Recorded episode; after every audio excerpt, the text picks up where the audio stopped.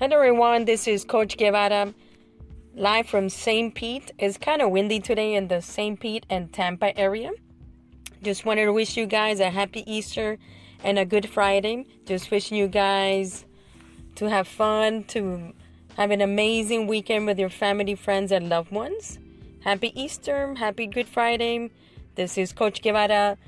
Make sure you follow me on Instagram and Twitter at Chinese Hoop. Also, my personal account at Coach Guevara205 on Twitter and Instagram. Have a good afternoon. I'm out.